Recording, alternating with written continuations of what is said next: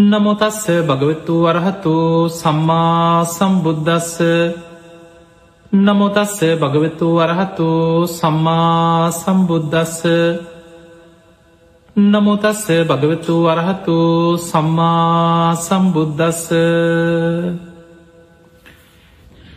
පිහතුනී අද මේ උතුම් ධර්ම දේශනාවට ධර්මාණු ශාසනාවට මාතෘකාවක් හැටියට සඳහන් කරන්නට යෙදුනා සංසාර බය මේ යන සංසාර ගමනේ බියජනක ස්වභාවය පිළිබඳව මේ ධර්ම දේශනාව සිදු කරන්න කියන ආරාධනයේ දායකත්ය ධරණ පිංහතුන්ගේ අරමුණු අතර සඳහන් වුණා.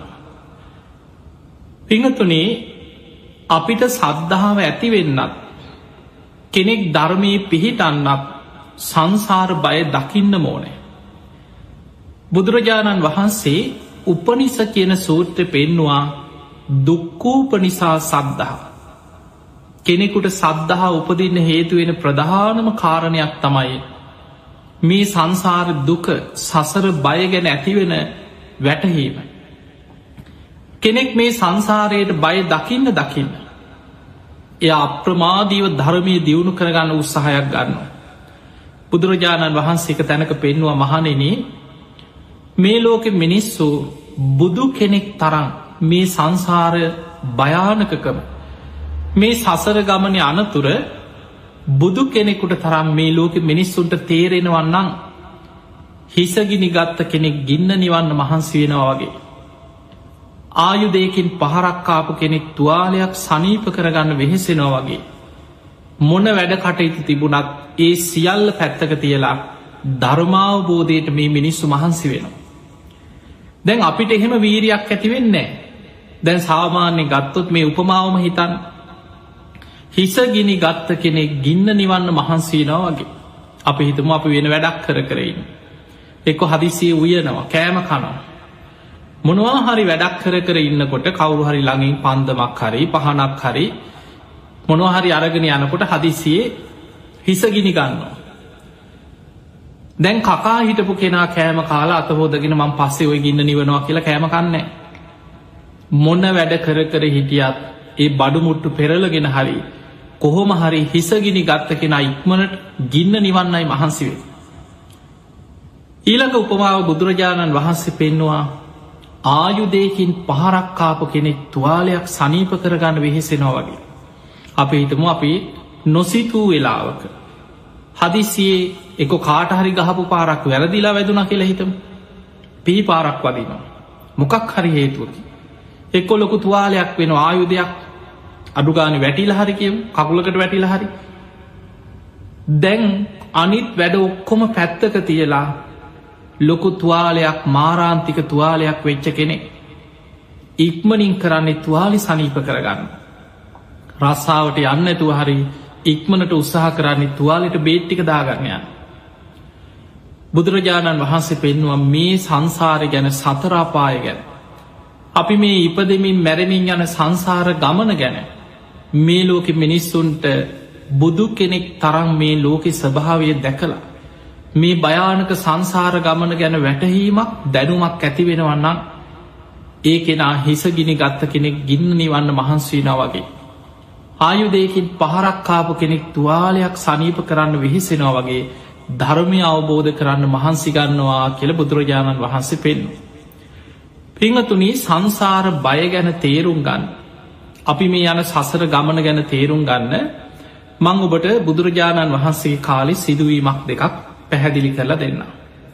මෙන්න මේ සිදුවීම දම්ම පදේ සඳහන් වෙනවා තිස්ස භික්‍ෂුව ගැන වදාළ දේශනාව හැටියට. දැම් මේ වස්කාලෙන ගෙවෙන්නේ.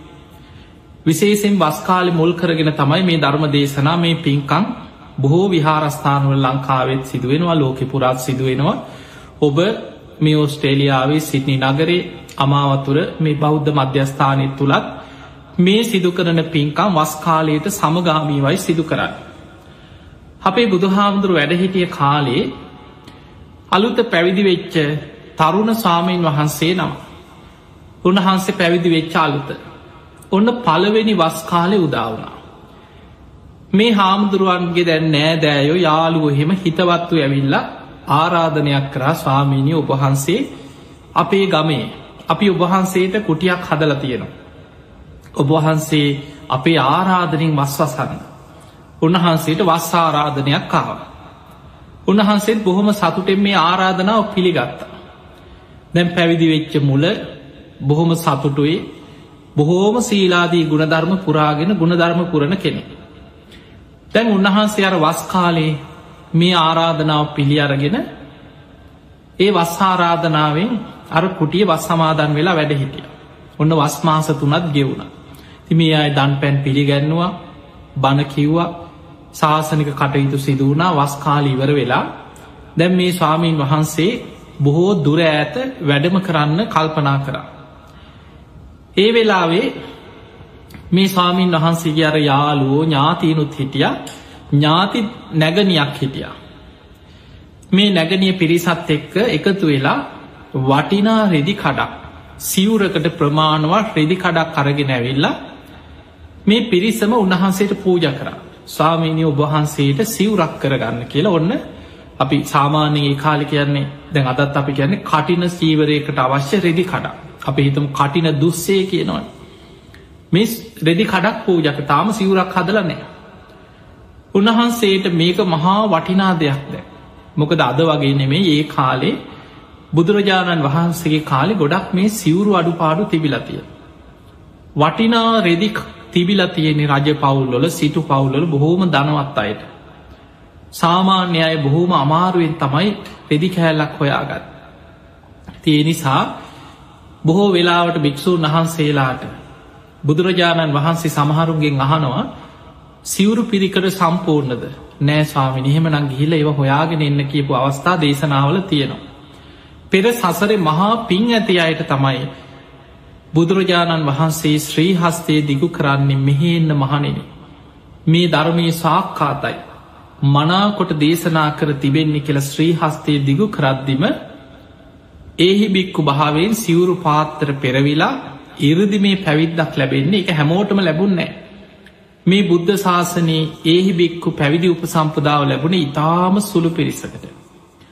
තින් සිවුරු හිග කාලේ වටිනා රෙදි කඩා. උන්වහන්සේට මේ දැන් රෙදි කඩ ගැන දැන් ආසාාවක් ඇති වුණා. ඔන්න බලන්න මේ සංසාරි තියෙන භයානක්ක මං ඔබට පෙන්න්න. දැම් මේ ලැබිච්ච රෙදි කඩ එදා රාත්‍රී දැන් වටිනා රෙදි කඩා. උන්වහන්සේ මේක පිළි අරගෙන කල්පනා කරා මම ගමන පිටත්වෙන්න කලින් මේ රෙදි කඩෙන් සිවුරක් හොඳට මට ප්‍රමාණවත්තිදිය සිවුරක් හදාගන්න ඕන. මගේ සිවුර බොහෝම පරණයි. මට තියෙන පරණ සිවුරක්. හොඳ සිවුරක් හදාගන්නවා කියලා දැන් අර රෙදි කඩ අතේ තියාගෙන දැන් රෑ තිස්සෙ කල්පනා කර.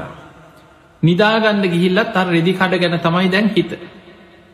උදේ පාන්දර මේ වටිනා රෙදි කඩ අරගෙන තමන්ගේ නැගනියගේ නිවසට ගියා. ගිහිල්ල කීව නංගී ඔබට පුළුවන් නම් මෙන්න මේ විදිහට මට අදින්න ප්‍රමාණවත් සිවුරක් හදල මට දෙන්න පූජ කරන්න.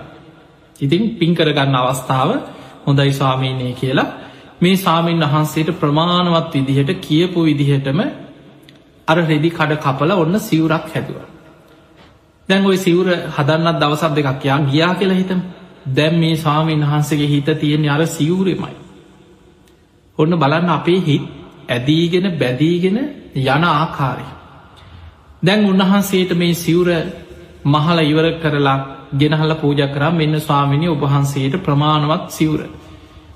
උන්වහන්සේ දැන් සිවුර අතට ගත්තා ඇඳල බැලුව හොඳට ප්‍රමාණවත් දැම් පඩු පොවන්න ඕට. පිරිසකුත් උදව්වට එකතු කරගෙන දැන් පඩු සිවුර පඩු කරා. දැම් පඩු කරලා ඉවර වුණට පස්සේ කුටිය ඉස්සරහ වේලෙන්න දැම අර පඩු ටික හොඳට වේලුනාට පස්ස තමයි සිවුරට අල්ලන්න. දැම් මේ දින දෙක තුන කීපේම උන්වහන්සේගේ හිත නිදාගන්න ගියත් පේන්නේ සිවුර. හීනෙනුත් දකිනව දැන් ඒ සිවුර ඇදගෙන උන්වහස පින්ඩ පාති වන දැම් බලන්න සාමාන්‍යයෙන් මේ වගේ මානසික ස්වභාවයන් ඔබට අපට අපි කාටත් තියෙනවා. සාමාන්‍ය ඔබම ඔබේ උදාහරණ හිතන්නික අලුත් ඇඳුමක් ගෙනාවට පස්සේ ඕක ඇඳ ඇඳ ගෙවල්ලොල බලන්න ඇද. හීනෙනුත් දකිනො මේ ඇඳුම ඇඳගෙන යනවා. සමහරු වටිනා දෙයක් තමන්ට කියලා අයිති කරගත්තට පස්ස එක්කො ගෙදරකට වාහනයක් ගත්ත කියලා හිතම එක්ක මොනවහරි වටිනා දෙයක් ගත්තා මේක සැරෙන් සැරේ බලන මේකට ආසහිතෙනවා මේ ස්වාමීන් වහන්සේගේ හිත ඇදිල ගිය අර සිවුරට. ඔය සිවුර ගැනම හිත හිතා රාත්‍රී දැන් එලිය දාලා වැලේ නිදාගත්තා. උන්වහන්සේ රාත්‍රී නිදාගෙන ඉන්නකොට දැන් හීනෙන් පේන්නේ සිවුර. ටික වෙලාවක් යනකොට රාත්‍රී පපුුව හිරවෙන්න ගත්තා. උන්වහන්සේට ශරීරයට විශාල අමාරුවක් වේදනාවක් දැන්න හුස්ම ගැනීමේ අපහසුවක් ඇති වුණා.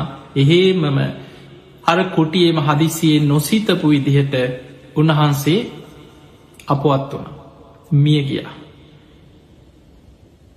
පිංවතුනී සංසාරි තියෙන භයානකකම අර සිවුර ගැන තිබ්බා අසීමිත ආසාාව තන්හාාව උන්වහන්සේ සිල්වත්. උන්වහන්සගේ දුසීලකමක් ගැන කොතනවත්තේ දේශනාව සඳහන් වෙන්න පැවිදි වෙච්ච මුල්ම කාලේ. බොහොම සිල්වත් පළවෙනි වස්කාලෙ ගත කරලා අවසන් වනා විතරයි.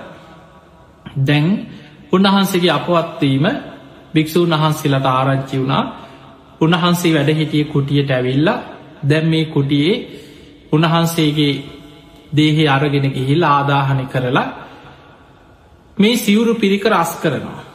බුදුරජාණන් වහන්සේත් ඒ අසල වැඩ හිටිය. ඒ අසලම ආරාමික බුදු හාන්දුර වැඩ හිටිය.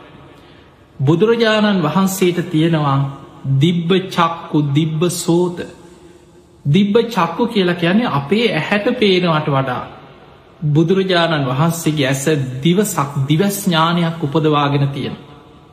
උන්වහන්සේට දෙව්ලොව සිදුවෙන දේවල් මේ ළඟ දකිනා වගේ දිවසින් දකින්න පුළුවන්. බ්‍රහ්මලෝක වෙන දේවල් මේ ළඟ සිද්ධ වෙන දෙයක් වගේ දිවසින් දකින්න පුළුවන්. හිතයොමු කරලා නිරේ සිද්ධ වෙන දෙයක් වෙන්න පුළුවන් කොහේ හරි ලෝකෙ කොහෙ තැනක කොතන සිද්ධ වනත් උන්වහන්සේගේ දිවසින් දකින්න පුළුවන් දිබ්බ චක්කු. දිබ්බ සෝත කියලා කියන්නේ සාමාන්‍ය මිනිස් සීමාව ඉක්මවාගිය දිවසක් තියෙනවා ඇසීමේ හැකියාව. දැන් අපි දන්නවා අපිට ඇහෙන්නේ යම් සීමාවක් තුළ විතරයි. හැබැයි භාවනා කරලා දිබ්බ සෝතය උපදවාගත්ත කෙනෙකුට දිවිය ලෝකෙ දෙවියන් කතා කරනවා ඉරදියෙන් අහන් මේ ළඟ කතාවක් අහගෙන ඉන්න වගේ බුදුරජාණන් වහන්සේ දෙවියන්ගේ කතා බහනවා. බ්‍රහ්මයන් කතා කරන දේවල් බුදුරජාණන් වහන්සේ අහගෙන ඉදල දහම් දෙසනවා.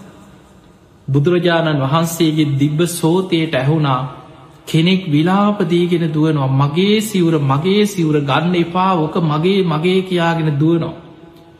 බුදුරජාණන් වහන්සේ බුදු ඇසි බැලුව බලනකොට මේ සිවුරෙ මැක්කෙක් වෙලා ඉපදිලා. ඔන්න බලන්න භයානක්ක. හිතන්නවත් පුළුවන් දෙයක්ද කියලා හිතන්න සසර කොච්චර භයානකද කියල. ඒ වෙලා බුදුරජාණන් වහන්සේ භික්‍ෂු සංඝයා රැස් කරලා සංඝයාට කෙනො මහනෙනි තිස්ස භික්‍ෂුවගේ සිවුරු පිරිකර. දින හතක් අවසන් වෙනකම් භික්‍ෂූන් වහන්සේලා ඒ සම්බන්ධෙන් බෙදා හදා ගැනීම් කරන්න ඇතු ඒ ඔක්කොම කුටියේ දාලා වහල තියන්න කිය. සාමාන්‍ය ස්වභාවේ තමයි භික්‍ෂූන් වහන්සේ නමක් අපවත් වුණ තුන්වහන්සේගේ උපස්ථායකයන් වහන්සේ නමක් හිටිය තුන්වහන්සේට සිවරු අඩු පාඩු තියනන උන්වහන්සේට ඒව පරිහරණය කරන්න පුළුවන්. වැඩි ටික සංඝයාගේ ප්‍රයෝජනයට එක්ක ගබඩාවට දාන්න. ඒ වෙලායි බුදුරජාණන් වහන්සේ කියා හිටිය දින හතක් යනකම් තිස්ස හාමුදුරුවන්ගේ සිවුරු පිරිකර එහෙමම තියයි. දැන් භික්‍ෂූන් වහන්සේලාට මේක ප්‍රශ්නයක් බුදුහාන්දුරු කාරණය සිහිපත් කරේ නෑයේ කිය. ඉන් දවස දෙක තුන ගෙවුණ දින හත අවසන් වනා අටවෙනි දවසේදා දම්සභා මණ්ඩපේදී බුදුරජාණන් වහන්සේ වදාළ මහනෙනේ අර තිස්ස භික්‍ෂුවගේ සිවුරු පිරිකර දැන් සංඝයා සංග සම්මුතියෙන් ඒවා බෙදා හදාගෙන ඒ කුටි අස්පස් කරලා ඒ කටයුතු කරන්න දැන් කාලයයි කියව. ඒ වෙලා සාමීන් වහන්සේ නමක් කහනෝ ස්වාමීණී භාක්‍යතුන් වහන්සේ ඇයි තිස්ස හාමුදුරුවන්ට විතරක්. ඒ සිවුරු පිරිකර ගන්න එපා කිව දින හතක් එහෙම වහලා තියන්න කිවයයි. ඒ වෙලේ බුදුරජාණන් වහන්සේ වදාලා මහනෙනි තිස්ස සිවුර ගැන තමන්ට ලැබිච්චේ සිවුර ගැන ආසාාවෙන් බොහෝම තන්හාාවෙන් වාසය කරා. තිස්ස භික්‍ෂුව මරණාසන්න මොහොතේ ආසන්න කර්මයක් හැටියට සිවුර ගැන ඇතිවෙච්චේ ආසාාව බලවත් වෙලා ඒ සිවුරෙම මැක්කෙක් වෙලා පහළ වනා කිව්. දැම් මැක්කෙක් කියන්නේ මේ අවුරුදු ගණන් ආවිශ තියෙන සතෙක් නෙමේ ඔහු දින කීපයකින් අර සිවරේම එහාට මෙහාට ඇවි දැවිදි ඉඳලා ඔහු මිය ගිය. බුදුරජාණන් වහන්සේක වැලැක්වේ කවුරුහේ හරියේ සිවුර ගත්තනං මේක මගේ සිවුර මගේ සිවුර කියලාර තන්හාාවෙන් ඒ සත්‍යය එක ඉපදුන. ඒ ගත්ත කෙනා ගැන තරහක් වෛරයක් ඇති වෙනවා. ඒ අකුසලේ බලවත් වෙලා දුගතිය වැටෙනවා සුගතියක යන්න තියෙන අවස්ථාව නැතිවෙන. පික්‍ෂූන් වහන්සේ ලහන ස්වාමීණී භාග්‍යතුන් වහන්ස දැන් ඒ මැක්කට මොකද වනේ බුදුරජාණන් වහන්සේ වදාලා ඒ රාත්‍රී ඔහු මිය කියා. ඔහු දැන් දිවිය ලෝකෙ දෙවි කෙනෙක් වෙලා පහළ වනාකි.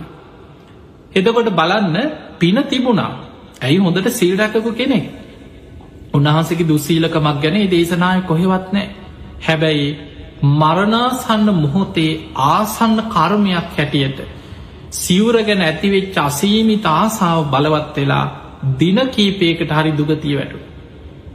ඔබාහල ඇති මේ ආසන්න කර්ම බොහොම බලවත්. මජ්ජිම නිකාතින මහා කම්මොයි බංග කියන සූත්‍රය. මරණාසන්න මොහොතේ අකුසලයක් බලවත් වනොත් පින්කරපු කෙනෙක් හරි. පින යටපත් වෙලා අකුසලේ මතු වෙන්න පුළුවන්. පෘතජ්ජන භාවේ ඉන්න කෙනාටයි ඔය අනතුරු ඔක්කෝ සෝවාන් විච්ච කෙනෙකුට ඕක කවදාවත් සෝවාන් වෙච්ච කෙනා සතරාපායෙන් සදහටම මිදිච්ච කෙනෙ. ඒ කෙනාට ආසන්න කර්මින් බලපෑමක් කරන්න බෑ. හැබැයි පෘතජ්ජන කෙනාට දන් දෙනවා සිල් රකිනවා පින්කං කරනවා බොහෝ පින්කං කරගෙන හිටියත් අන්තිම වෙලාව අකුසලයක් මතු වෙන්න පුළුව. දැම් බලන්න තිස්ස හාමුදුරුවන්ට අච්චර සිල්වත්ත සියල්ල අතහැරලා පැවිදි වෙලා මේ බුද්ධ ශාසනයේ ගුණධර්ම පුරාගෙන හිටපු තිස්ස කියන සාමීන් වහන්සේට මේ සිවුරක් නිසා සිවුරට ඇතිවෙච්ච ආසාාව නිසා මරණ මංචකේ ඒ තන්හාාව බලවත් වෙලා දින කීපයකට හරි එහෙම උපතක් ලැබවානම් මේ තන්හාාව තියෙන භයානක්කම ගැන ඔබ හිතන් ධර්මාසෝක රජ්ජුරුව ගැන හිතා. අපි මේ කරන පින්කම් මොනවද? ඔබ බොහෝම මහන්සි වෙලා එක විහාරස්ථානයක් ගොඩ නගල ඇති. එක්කො ලංකාවේ හරි කොහේ හරි දුප්පත් පන්සලක විහාරස්ථානයක එක්කො ධර්මශාලාවක් හදලා බෝධි ප්‍රාකාරයක් හදලා බුදුගයක් හදලා කොහේ අරි ඉන්න පිරිසකට ඔබ අසරණයන්ට උදව් කළ ජීවිතය කරගත්ත පින්කං ඔබට ඇති.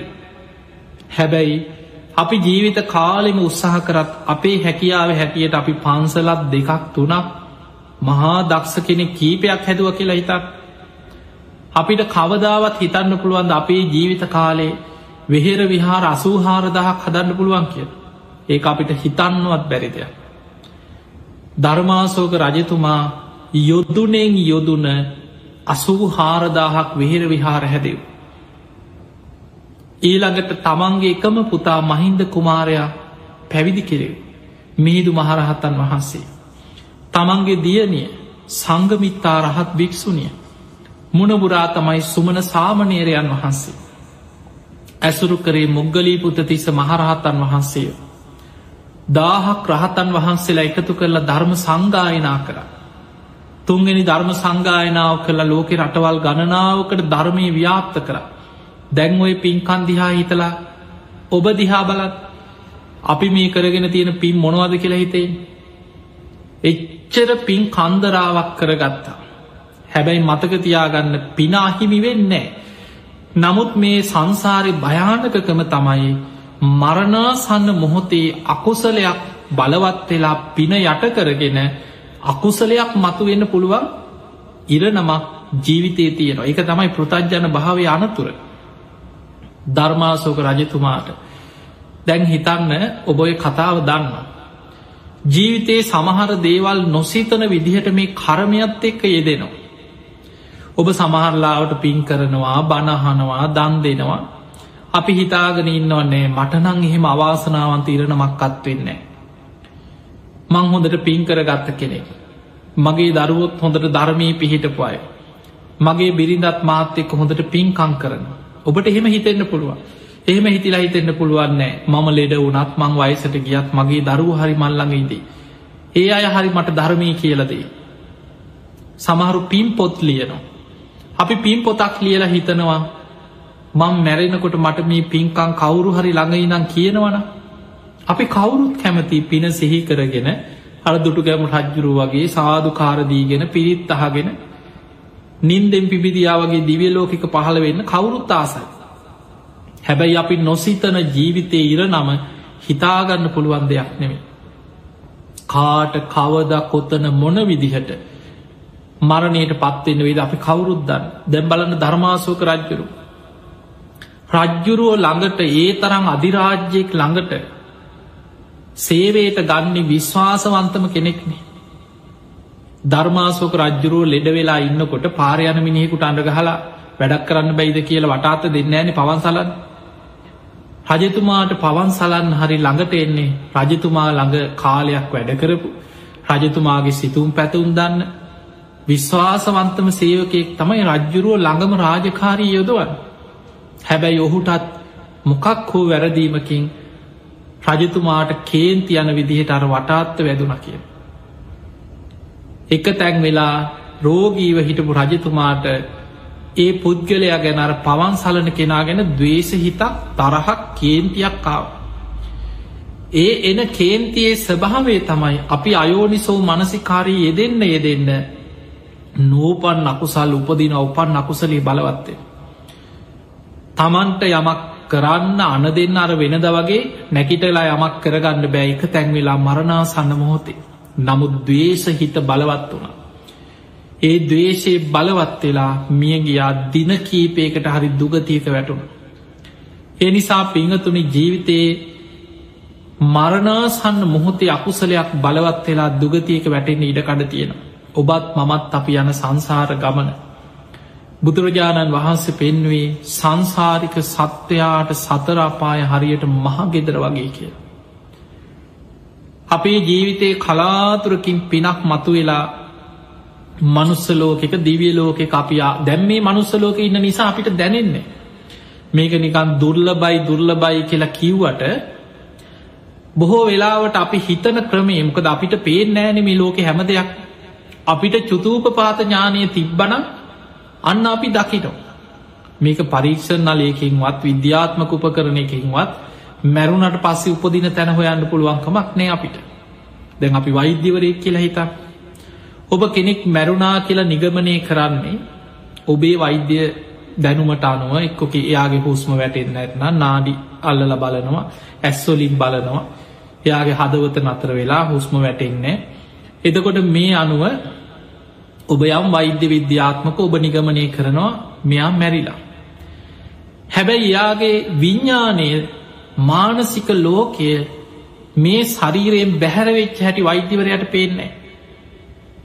එයා චුත වෙලා උපත කරාගේ ආකාරි දකින්න පුළුවන්කමක් නෑ කර්මාන් රූපිය කොහෙද ඉපදුනේ කියල ඒක පේන්නේ. ඒක දකින්න පුළුවන් චුතූප පාත ඥානයක් උපදවාගත්ත කෙනෙකුට විතරයි. අන්න බුදුරජාණන් වහන්සේ බෝධි මූලේදි තමයි චුතූපපාත ඥානය උපදවාගත් ඒ තුළින් උන්වහන්සේ දකිනව සංසාරික සත්වයන් සතර අපාය මහගෙදර කරගෙන යන ගමනක් මේ.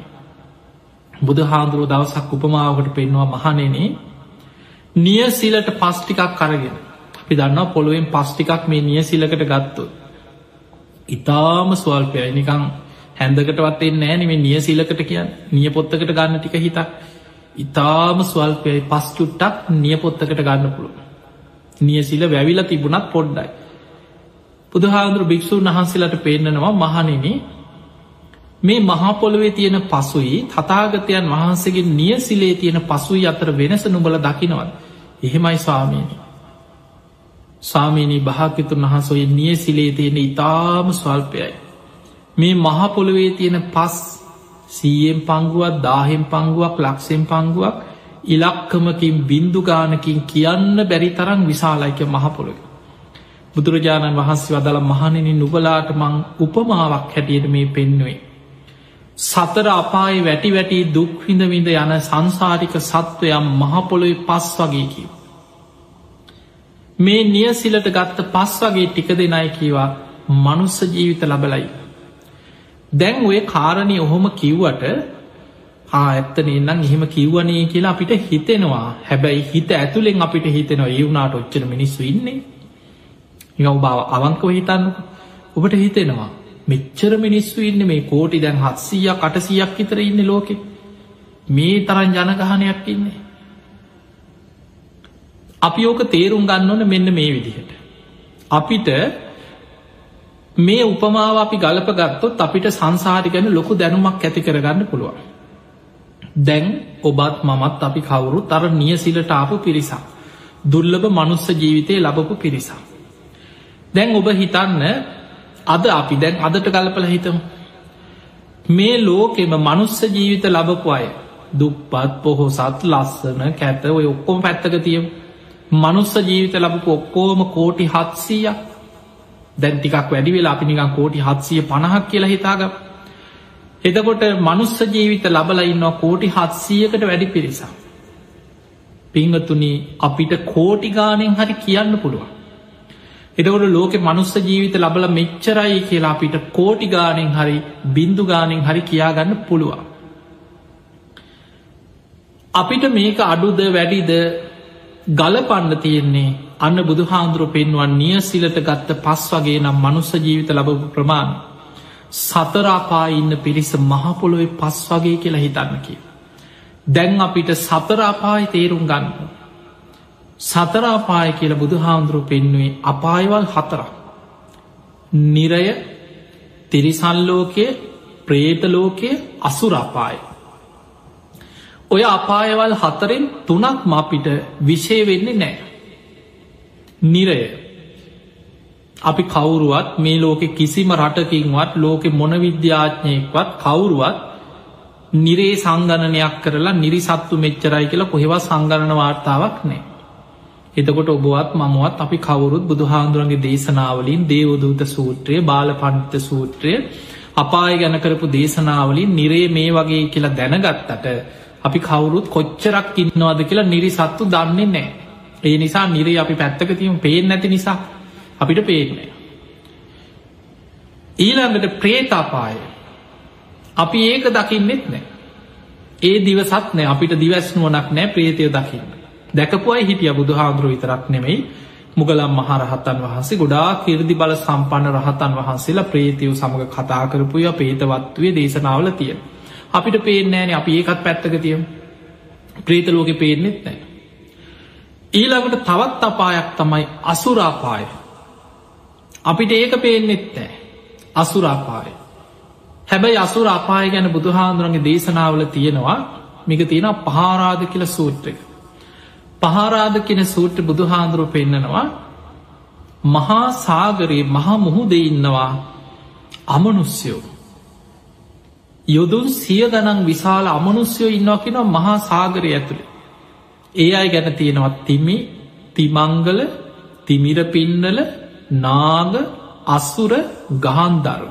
ඔය කියන්නේ මනුස් අමනුස්යෝ මාලු නෙමේ. මුහද අපි දකින්නේ මාලු නොයෙක් සත්තු ගොරෝසු සරී ඇතිව පීනගෙන යන සත්තු තම අපි මුහද දකිය.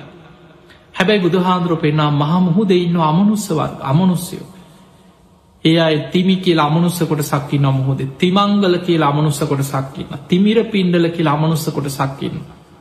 නාග නාගලෝක තියෙන මහා සාගරය ඇසුරු කර.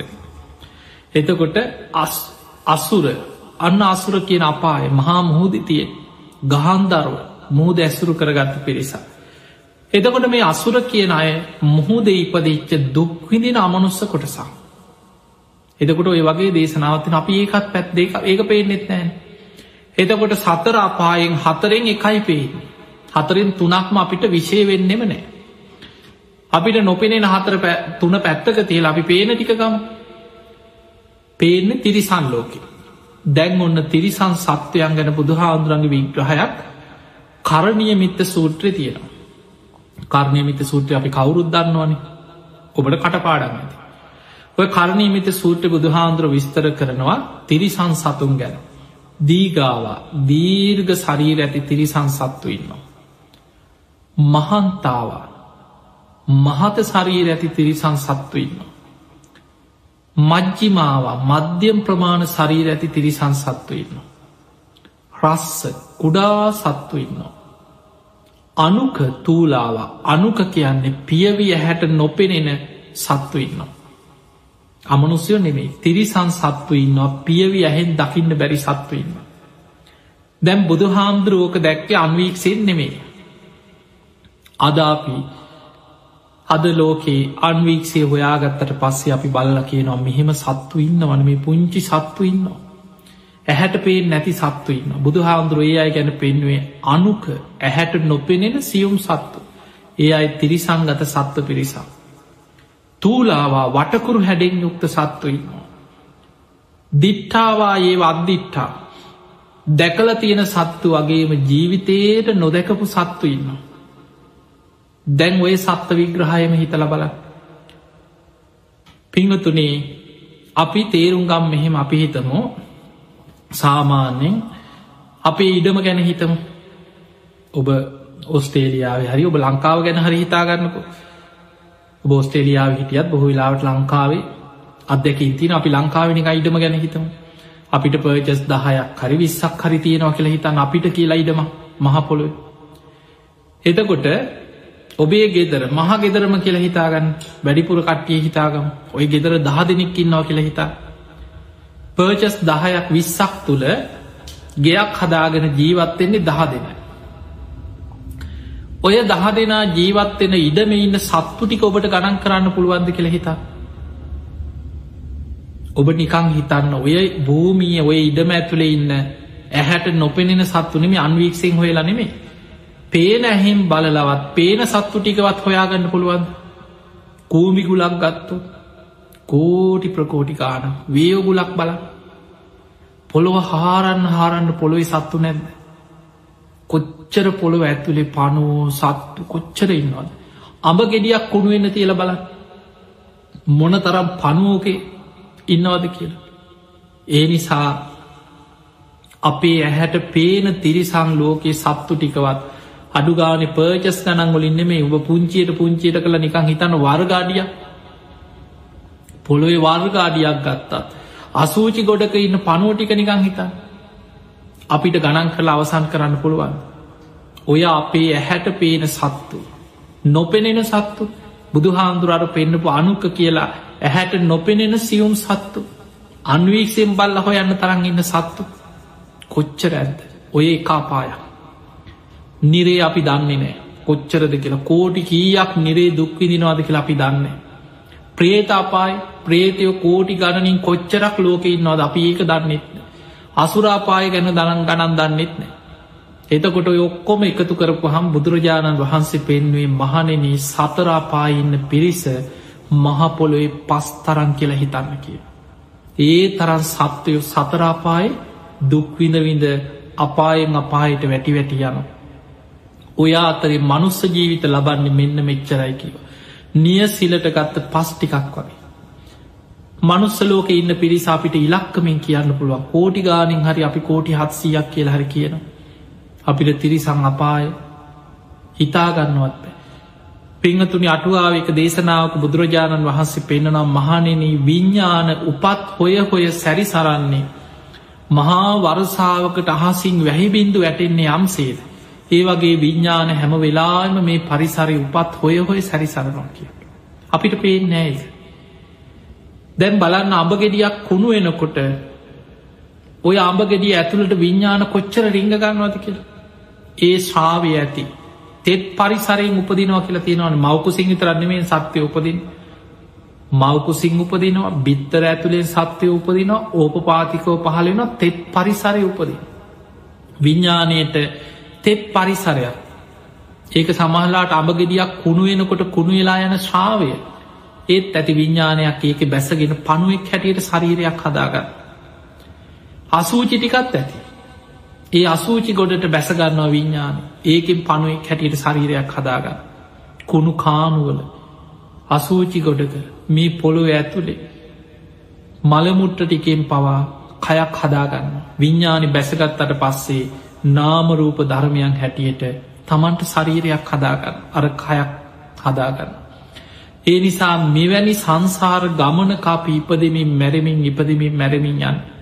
අපිට තේරෙන්නේ අපි මේ ඉන්න තැන වටිනාකම සසරි භයානක්කම අපිට තේරෙන්නේ මොකද අපි ඉන්න අවිද්‍යාව තුළ තන්හාව තුළ අවිද්‍යාව තන්හාාවේ ලක්ෂණය තමයි බුදුහාන්දුරු පෙන්වා මහනෙන තන්හාාවේ ලක්ෂණය තමයි යායන් තන්හා පෝනෝ භවිකා. තන්හාාව නිසා පුනර් භවයක් ඇතිවේ තන්හාාවෙන් මොකද කරන්න? අපිට ආයමත් පුනම් භවයක් පෝනෝ භවිකා. උපතක් හදල දෙනවා. කොහේ හරි. එක්ක නිරයෙන්න්න පුළුවන් එක්ක ප්‍රේතාපායක වෙන්න පුළුවන් එක්ක තිරිසන් ලෝක වෙන්න පුළුවන් එක් ආයි මවකුසක වෙන්න පුලක් කොහේ හරි උපතක් හදලද පෝනෝ භවිකා. නන්දිරාග සහගතා. ඒ උපතට ආස්වාදයෙන් ඇලෙනවා. තත්්‍ර තත්්‍රාවි නන්දින උපවපන් තැන සතුටින් පිළිගන්න. ඕකයි තන්හාාව ලක්ෂණ ඒ නිසා තමයි ඒකෙන් ගැලවෙන්න බැයි දැන් අපි මනුස්සලෝකෙට ආවට පස්සේ අපි පෙරජීවිතල මොකුත් දන්නේ දැ පෙරජීවිතය කොහෙද හිටියේ? කොහේ දන්දාව ඒ කාලෙ මොනවද තිබ බැඳීන් ඒ කාලේ මේවා දාලයන්න බෑබෑ කිය කිය මොනවට ඇලීගෙන හිටියද යොමුකුත් දැන්දන්නේ දැන් ඔන්න අපි මොකක් හරි පිනකින් මනුස්සලෝක ඉපදුනා පෝනෝ භවිකා. දැන් ඉපදුනාට පස්සේ අපි දැන් අපිට ලැබුණ ඇස කණ නාසේ දිවකය මන සාහිතනහයක් ලැබුණ. මවකුසකින් දරුවෙක් හැටියට ඉපදුන දැන් අපි මේ ශරීරයට ඇලුම් කරන නන්දිරාග සහකතා තට්ට තට්ටාබි නන්දිනි උපවපන් තැන සතුටින් පිළිගන්න. දැන් අපි පිළි අරන්න මේ මගේ අම්ම මේ මගේ තාත්ත මේ මගේ ඥාති මේ මගේ ඉඩම මගේගේ මගේ දේවල්. මේ තමයි මගේ ලෝකයේ කියලා. දැන් ඒක සතුටින් පිළි අරන් එතනට ඇලිලයින්න දැන් අපි හිතමු අපි මැරිලා අපි දන්න අපි අපි නිකං හිතාගමු අකුසලයක් බලවත් වෙලා කෙනෙක් උපදිනවා කියලා කවුරුහරි කෙනෙක් ගැන හිත මැරෙනකොට ඔන්න අකුසලයක් බලවත් වෙලා බලු පැටියෙක් වෙලා උපදින. දැන් ඔන්න ඒ වගේ බුදුහාදුරන් කාලේ සිටුවරු ගැන තියෙනවා. ඒ වගේ සමහර සිටුවරු අපුත්තක සිටුවරයාගෙන. සමහර සිටුවරු ගැන තියෙනවා මැරිලා තෝදෙය සිටුවරය ඒ සිටු නිවසම බල්ලෙක් කියලා ඉපදුනා කියලා තියෙනවා දේශනා. එදර අප හිත ඔන්න බලු පැටියෙක් කියලා ඉපදුනා.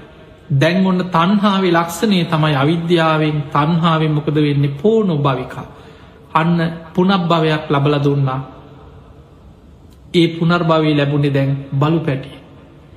නම්දිරාග සහගත දැන්ගේ බලු පැටිය ඒ ආත්මයට ඒ ශරීරයට ඇලුම් කරන. බලු පැටිය හිතන්නේ හයෝ මට මේ බල්ලෙක් වුණ එක නිකම් මට මධිකමක් වගේ. මට සිංහෙක් වුණාන නිකං රජා වගේ ඉන්න තිබ්බ. බල්ලව්ව හිතන්නේ.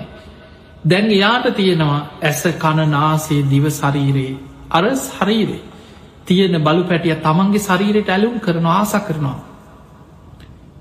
තට්ට තත්්‍රාබි නන්දිනි උපෝපන්තන සතුටින් පිළිගන්න දැන් එයාගේ ලෝකෙ අර බලු අම්මා බලුතාත්ත බලු පැටව් ටික රැල බුරාගන්නවා හපාගන්නවා පෙරලෙනවා දුවනවා.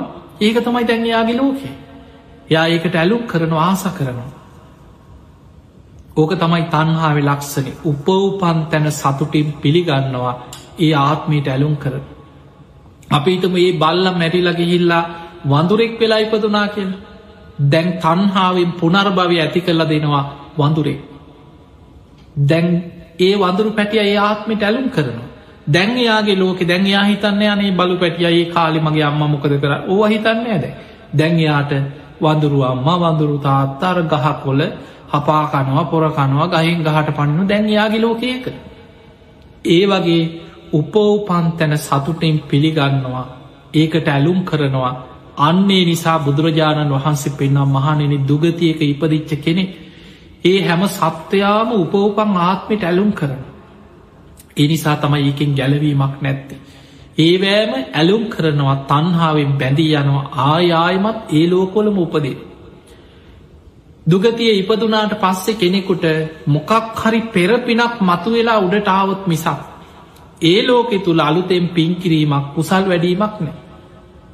අරකරපු කර්ම ගෙවනවා අලුතෙන් කර්ම රැස්වෙනවා ඒ කර්ම ගෙව ගෙවා ඉපද ඉපද යනවා ඒකයි බුදුහාදුරු පෙන්වේ මහනෙන මේ සතරාපාහිට වැටුනොත් මේ මහපොළොවේ පස්තරන් තියෙන මේ සතරාපායට කෙනෙක් වැටුනොත් ආපහ උඩට එනවා කියලා කියන්නේ කන කැස්බෑ වියසිදුරෙන් අහස දකිනවගේ ඔය උපමාව බහල ඇති. හැබැයි කොච්චර ඇහුනත් මේ අපිට දැනෙන්නේ ඒ අපි ධර්මය තුළින්ම විමස්සල තේරුම් ගත්තේ නැත්නං නිකං ඇහුවා ඔහෙ ඇහුණ විතරයි. ආ ඇත්තද? ආයහෙමද එච්චරයි. හැබැයි මේක හිතනකොට තමයි අපිට මේක භයානක්කම තේරේ. කොයි තරම් බේරිල්ලක්ද දැන් අපි බේරුණේ. බැරිවෙලාවත් හොස්මටික යනකොට අකුසලයක් බලවත් වෙලා දුගතියකට වැටුනොත් කෞද මාව බේරගන්න මට කාගෙනම් පිහිටක්ද. ඒ නිසා මේ සංසාර ගමන බෝම භයානක ගමන. පිංවතුනි ප්‍රේතලෝක ඉපදිච්ච ඥාති ප්‍රේතයක්. අපි හිතන වනේ අපේ ඥාතිය මේ පින් අරගෙන සුගති යන්න. අපි කවුරු පින්දෙන් එහෙමන. අපි පිය පරලවගේ ඥාතීන් ගැන අපි කවුරුත් හිතන්නේ අනේ අපේ ඥාති මේ පින් අරගෙන සුවපත්තේවා කියලා හිතනවා. ඒ අයි සුගතියම යන්න ඕනැකිල අපි හිතන ප්‍රාර්ථනා කර. හැබැයි ඒ ප්‍රේතයන් බොහෝ ප්‍රේතයන් ප්‍රේතාත්ම ඉපදුනාට පස්සේ සමහරු පින්ගන්නවත් කැමතිනේ. බුද්ධ දේශනාවල සඳහන් වෙනවා ප්‍රේත කොටස් ගණනාවක් ගැන. පින්ගන්නෑ බොහෝ ප්‍රේතය පිනට කැමති නෑ. ඔවුන් ඒ ආත්මට ඇලුම් කරනවා. ඔවුන් කැමති අර සෙම් සොටු ටික. අසූචි ටික මළමුට්ට ටික ඒක ඔවුන්ට පේන්නේ සුදහා භෝජනය වගේ. ඒක පිංහතුනයේ උපතත් එක්ක ලැබිච්චදේ. අපිට අපිරියව් දැන් අපි හිතම් මෙහෙම. අපිට අසූචි කියපු ගමන් අපිට නිකං කියනකොට මෙන්නේ අපිරියාව. හැබැයි ඌරට අසූචි ටික සුදහ භෝජනය වගේ පේ. සමහර වෙලාවට ඒ උපතත් එක්ක ඔහු ඒකට ඇලුම් කරනවා. අපි අපිරියවුනාට ඔහු ඒක මිදන්න කැමතිනේ. ඒ ප්‍රේතය ප්‍රේතාත්මයට ඇලුම් කරනවා ආස කරනවා. සමහරු පින්ගන්නවත් කැමතිනේ. ඒ අතරින් කලාතුරකින් ප්‍රේත කොටසක් ඉන්නවා. ඔය ප්‍රේත කොටස් ගණනාවක් ධර්මය විස්තර වෙන ඔය අතරේ පරදත්වූප කියලා ප්‍රේත කොටසක් ඉන්න අන්නේ අය විතරයි කියනවා. අනේ අපේ ඥාතින් අපිට දැම්පින්දේ දැම්පින්දේ කියලා කවුරු හරි කරන පිනක් අනුමෝදං වෙන්න බලාගෙනනිදලා පින්ගන්න ඒ අයි විතරමයි කිය. අනිත් අයි පින්ගන්න කැමතිනේ. එනිසා පිංහතුනේ මේ භයානක සංසාර ගමනේ ස්වභාවය දැ මිනිස්සු අතරම ඔබ හිතන් දැන් සමහා රටවල දැන් කීනෙ දිහා ඔබ සාමාන්‍ය දන්නවන ඒ අය කණබුණ කෑම ඒ අය කණ සමට නොකන සතෙක් නෑන් කැරපොත්තගේ ඉනම් ගත්තොත් ඕනගේ ඉනම් හැම සතෙක්ම සමහට කන්න හැබැයි ඔබට දුන්නොත් හදලා ඔබට දකිනකොට වමන යන අපිරිය හිතෙන එතකොට ඒක තම හැබැයි ඒ අයට දකිනකොට කටට කෙලවුණනවා මේ සත්වයන්ගේ ස්වභාවයක් සමහර අපිට අපිරි අවුනාට සමහර ප්‍රේතයන් ප්‍රේතලෝකවල ඉන්න සත්වයන් හසූචි ටික මළමුට්ට ටික ඒවා තම යෝන් ඇලුම් කරන්නේ ආස කරන්න. දවසක් සාරිපුත්ත මහරහත්තන් වහන්සේ ඔබ දන්නවා සාරිපුත්ත හාමුදුරුව කියන්න මේ බුද්ධ ශාසනයේ ඒකා සංකේය කල්පලක්ෂයක් පාරමී පුරපු කෙනා. අග්‍රස් ශ්‍රාවක තනතුරක් ලබන්න අසංකේයකුත් කල්පලක්ෂයක් පාරමී පුරන්න ඕන. මේ බුද්ධ ශාසනයේ ප්‍රඥාවන්තයන්ගෙන් අග්‍රයි ධර්ම සේනාධිපතින් වහන්සේ සාරිපුත්ත හාමුදුරු. බුදුරජාණන් වහන්සේගේ දේශනාව ඒ විදිහට පවත්වන්න පුළුවන් භික්‍ෂූන් වහන්සේලා අතර සාරිපුත්තයන් වහන්සේ අග්‍රයි කියෙන්. ඒ සාරිපුත්තයන් වහන්සේ වඩිනකොට දෙව් බමුන් අහසේ පිරිලා සාධකාර දෙනවා. උන්වහන්සේ දවසක් වඩිනකොට පාත්තරය අරගෙන පිණ්ඩ පාතය වඩිනකොට පඳුරක් අස්සේ ඉදං විශාල් දුර්ගන්ධයක් හමන ඇට සැකිල්ලක් වගේ ප්‍රේතිය ඇගේ මස් කඩා හැලෙන.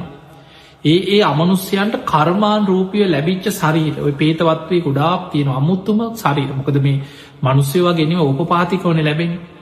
හැබැයි ඒ අමනුස්්‍යයන්ට කය ගණ කරගෙන කෙනෙක් ඉදිරියේ පෙනී ඉන්න පුළුවන්.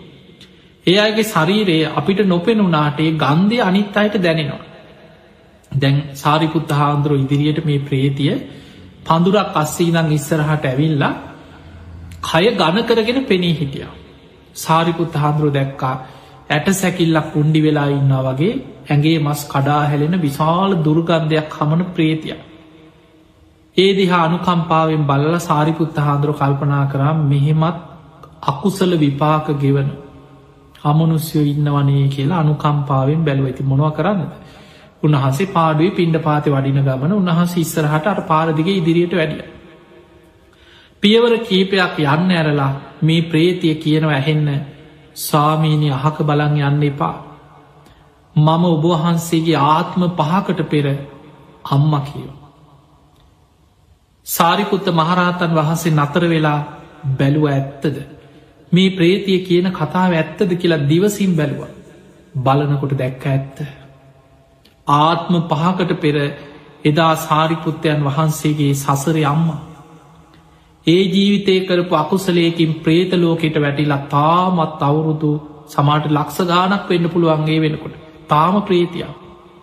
එතකොට ආත්ම පහකට පෙර සාරිකුත් හාමුදුරුවෝ ඒ ප්‍රේතිය මනුස්සලෝක ඉපදිච්චේ ආත්මේ සාරිකුත් හාමුදුරන්ගේ ආත්ම පහකට පෙර අම්මා. එතනින් පස්සේ තාත්ම පහක් ඉපදිලා රූපසාරී බැමිණියගේ දරුවෙක් හැටියට අපේ බුදුහාමුදුරු පහළ වෙච්ච කාල ඉපදිලා උපතිස්ස සාරිපුත්ත හාන්දුරුව එදා උතුම් ධර්මය අවබෝධ කරගෙන රහත් වෙලා දෙව් මිනිස්සුන්ගේ වන්දනා ලබමින් උන්වහන්සේ වඩිනවා. හැබැයි ආත්ම පහකට පෙර අම්ම තාම ප්‍රේතියක්. සාරිපුත්ත හාන්දුරුව ඇහුවා ප්‍රේතිය මොනවද ඔබ මගින් බලාපොරොත්තුවේ. අනේ ස්වාමීණි මුළු ඇඟම දනවා කිව සා පිපාසාාවෙන් ඇඟ පිච්චෙනවා. මං ගැන අනුකම්පා කරලා මට පින් දෙන්න කවුරුවත් නෑ කියව. මං විශාල දුකක් විදිනවා කිව ආහාර හොයාගන්න යොදුම් ගනම් මං යනවා. නමුත් මට ආහාරවලින් කුසගින්න දැන නිවෙන්න ෑකි. එදකොට සාරිකුත්ත හාන්දුර අහන ප්‍රේතිය නුඹ කුසගිනි නිවාගන්නේ මොනවද ඔබේ ආහාරපාන. ඔන්න ඔබට මේ කතාව තියෙනවා පේතවත්වේ තියෙනවා සාරිපුත්ත මාතා පේතවත්වෝ කියලා තිය. ඔබට පෙරලල බලන්න පුළුවන් ඒක තියෙනවා කෑම ලිස්්ට එකක්. ප්‍රේතයන් කණපුන ආහාර. අන්න ඒක කියෝපු හාම කියවනකොටත් අපිරි හිතෙනවා. ඔන්න අමනුස්්‍යයන්ගේ ජීවිත. මේ ප්‍රේතිය කෙන සාමීනය මිනි පිච්චෙනකොට උතුරලා යන උරුණු තෙල් ආග්‍රහණයක අපි කනුව වගේ කනුවනෙම ඒවා ආග්‍රහණය කරනකොට කුසගන්න ටිකක් නිවෙනවා කිය. මළමිනි කුණු වෙලා යනකොට ගලන ඕජාව ආග්‍රහණය කරන ඒවා උරාබනවා කියෙන එතකොට කුසගන්න ටිකක් නිවෙනවා කිය. කාන්තාවන්ගේ පිරිමින්ගේ ශරීරවලින් ගලන අසූචිවර්ග මළමුට්ට කෙළගහනය ඒවා උරාබොනකොට ටිකක් කුසගින්න නිවෙනවා කිය. ඔය වගේ ගොඩා පිළිකුල් සහගත කණබොන කෑම ගැන වෙන දේකින් ප්‍රනීත දේකින් කුසකින්න නිවෙන්නේ. කුසගින්න නිවෙන්නේ කර්ම විපාකෙට අර වගේ දේකින් විතරයි.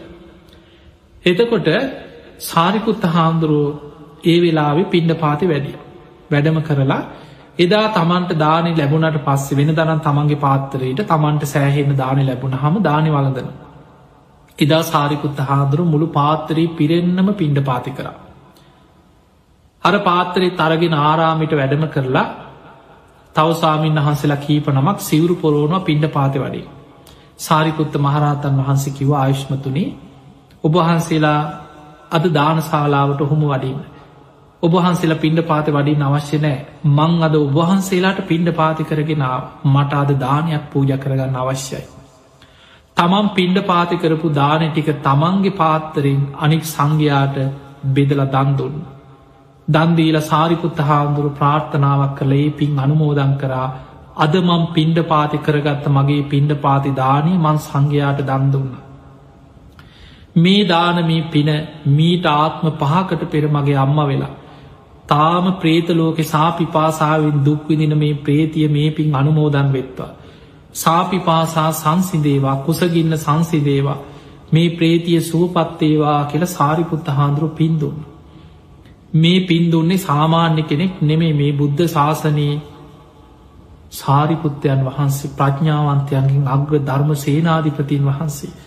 ඒ පින් දෙනකොටම අර ඇට සැකිල්ලක් වගේ තිබ ශරීරයේ දිව්‍යාංගනාවක් වගේ කය එහෙමම වෙනස් වන. කුසගින්න පිපාසෙ නැති වුණ. දිවිය සලු වගේ සලු ශරීරයට පහළ වුණ. ආහාරපාන පහළ වෙන්න පටන්ගත්ත. ආයමත් දවසක සාරිකුත්ත මහරහත්තන් වහන්සේ වඩිනකොට හර ප්‍රේතිය පෙනී හිටිය අඳුනගන්නවත් බැදිව්‍යාංගනාවක්. පෙනීදල සාරිකුත්ත හාන්දුරන්ට පින්දීලා කියන ඔබහන්සේට බොහෝ පින් අයිති වෙනවා. ඔබහන්සේ පින් අනුමෝදන් කරදී ඒ පිනෙන් මන් සුවපත් වනා සැපවත් වනා කිය. හැබැයි පින්වතුනි මතකතියාගන්න සාරිකුත්ත හාන්දුරන්ට පින් දීල ඒ ජීවිතයේ තාව කාලිකව සැපයක් ලබල දෙන්න පුළුවන් වුණ. ඒ පිනේ විපාක බලවත්ව තියෙන තාක්කල් අර ප්‍රේතියට කුසගින්න පිපාසෙ සංසිදිලා ආහාරපාන පහළ වෙලා බොහෝම දිව්‍යාංගනාවක් වගේ සැපසේ පිනේ විපාක තියෙන තාක්කල් ඉන්න. හැබැයි සාරිපුත්ත හාමුදුරන්ට ඒ ආත්මෙන් ගලවන්න බැයික කාටවත් කරන්න බෑ. තම තමන් සසරේ වපුරපු දේවල්ලේ. හැබැයි සාරිපුත්ත හාන්දුරුව පින් දෙනකොට තමන්ගේ පෙර පිනක් මතු වෙලාව තමන් එතනින් සුගති යනොයි කර්මිකෙවිල ඒ ඇරෙන්න අපිට පින්දීල අපිට ඕන විදියට තව කෙනෙගේ සංසාර ගමන අපිට උපද්ධවන්න බෑ අපි කවුරුත් එකිනෙකා වපුරගත්ත දේවල් අපි කවුරුත් අස්වැන්න කරගෙන සසර යන පිරිසා. ඒ නිසා මේ සංසාර ගමන බොහෝම භයානක. නිරේ ස්භාව කොයි වගේ ඇත්ත. බුදුරජාණන් වහන්සේ පෙන්නුනම් මහනෙනින් නිරේ ඉන්න නිරි සත්වයක්. හැම වෙලාවිම සමහට කල්ප ගණන් ගෙවෙනවා. අපි මනුස්සලෝක නම් අවුරුදු පණහයි හැටයි උපරිම සීයයි කියලා හිත. හැබැයි ප්‍රේත ලෝකට වැටනත් අවුරුදු දහස් කාන දැන්ව සාරිපුත් හාදුරගේ අම්ම වෙච්ච ප්‍රේති අවුරුදු දස දහස් කනම් ප්‍රේත ලෝක ප්‍රේතියක් හැටියට හිටපු කෙනෙ. ඒ වගේ නිරේ ඉපදිච්ච නිරි සත්‍යයෝ සමහරවිට බුදුවරු පහළ වෙලා පිරිනිවන් පාල තව බුදු කෙනෙක් පහළ වෙලා ඒ දන්නෙත් ඔහු අපායි. ඒ අකුසලේ ගෙවලා ගෙවලා ගෙවලා ඉවර වෙලා යම් පිනක් මතු වෙනකොට තමයි අපායින් චුත වෙලා උඩටෙන්. අපිට ඕන විදිහට සසර යන්න පුළුවන්කමක්න කරමයෙන් අපි උපද්ධවන්නේ කරමින් අපි අරගෙනයන් අන්නේ නිසා මේ සංසාර ගමන ගැන හිතන් බුදුරජාණන් වහන්සේ මේ සසර ගැන දේශනා කරපු දේශන ඔබ පේතවත්තු සිදුවීම් සිය ගානක් තියෙන අරගෙන කියවන් හොයාගන්න පුළුවන්. ඔබට අන්තර්ජාලයෙන් හරි හොයාගන්න පුළුවන් පේතවත්තු ගැන තියෙන පොත්පත්. ඒ වගේම සසරබිය ඇතිවෙන දේශනාවන් නිතර අහන්න බණහන්න සංසාර බයක් ඇතිවෙන්න ඇතිවෙන්න තමයි සද්ධහා උපදී. ඔබට මං මේ දේශනාව ආරම්භීම සිහිපත් කරා සද්ධාවට හේතුව තමයි දුක්කූප නිසා සද්ධහා. සසර දුක සංසාර බය සසර බය ඇතිවෙන කෙනා තමයි කොහොමද මේකෙන් බේරෙන්නේ කියලා හිතන්න. කොහොමද මේකෙන් ගැලවෙන්න කියලා ගැලවෙන ක්‍රමයක් හොයන්න. අන්න යාට තමයි ගුරූපදේශ රහිතව තමන් වහන්සේ විසින්ම සංසාරදු කවසන් කරගත්ත බුදුරජාණන් වහන්සේව තමන්ගේ ශාස්තෘන් වහන්සේ හැටියට මුණගැහි. අන්න එයා බුද්ධන් සරණං ගච්ඡාම කියලා බුදුන් සරණ යන්නේ මේ සංසාර ගමනින් නිදහස්වෙන මාර්ගය පෙන්නන මගේ ගුරුවරයා ශාස්තෘන් වහන්සේ හැටියට මං බුදුහාමුදුරම පිළිගන්නවා කියන තැනට ඇවිල.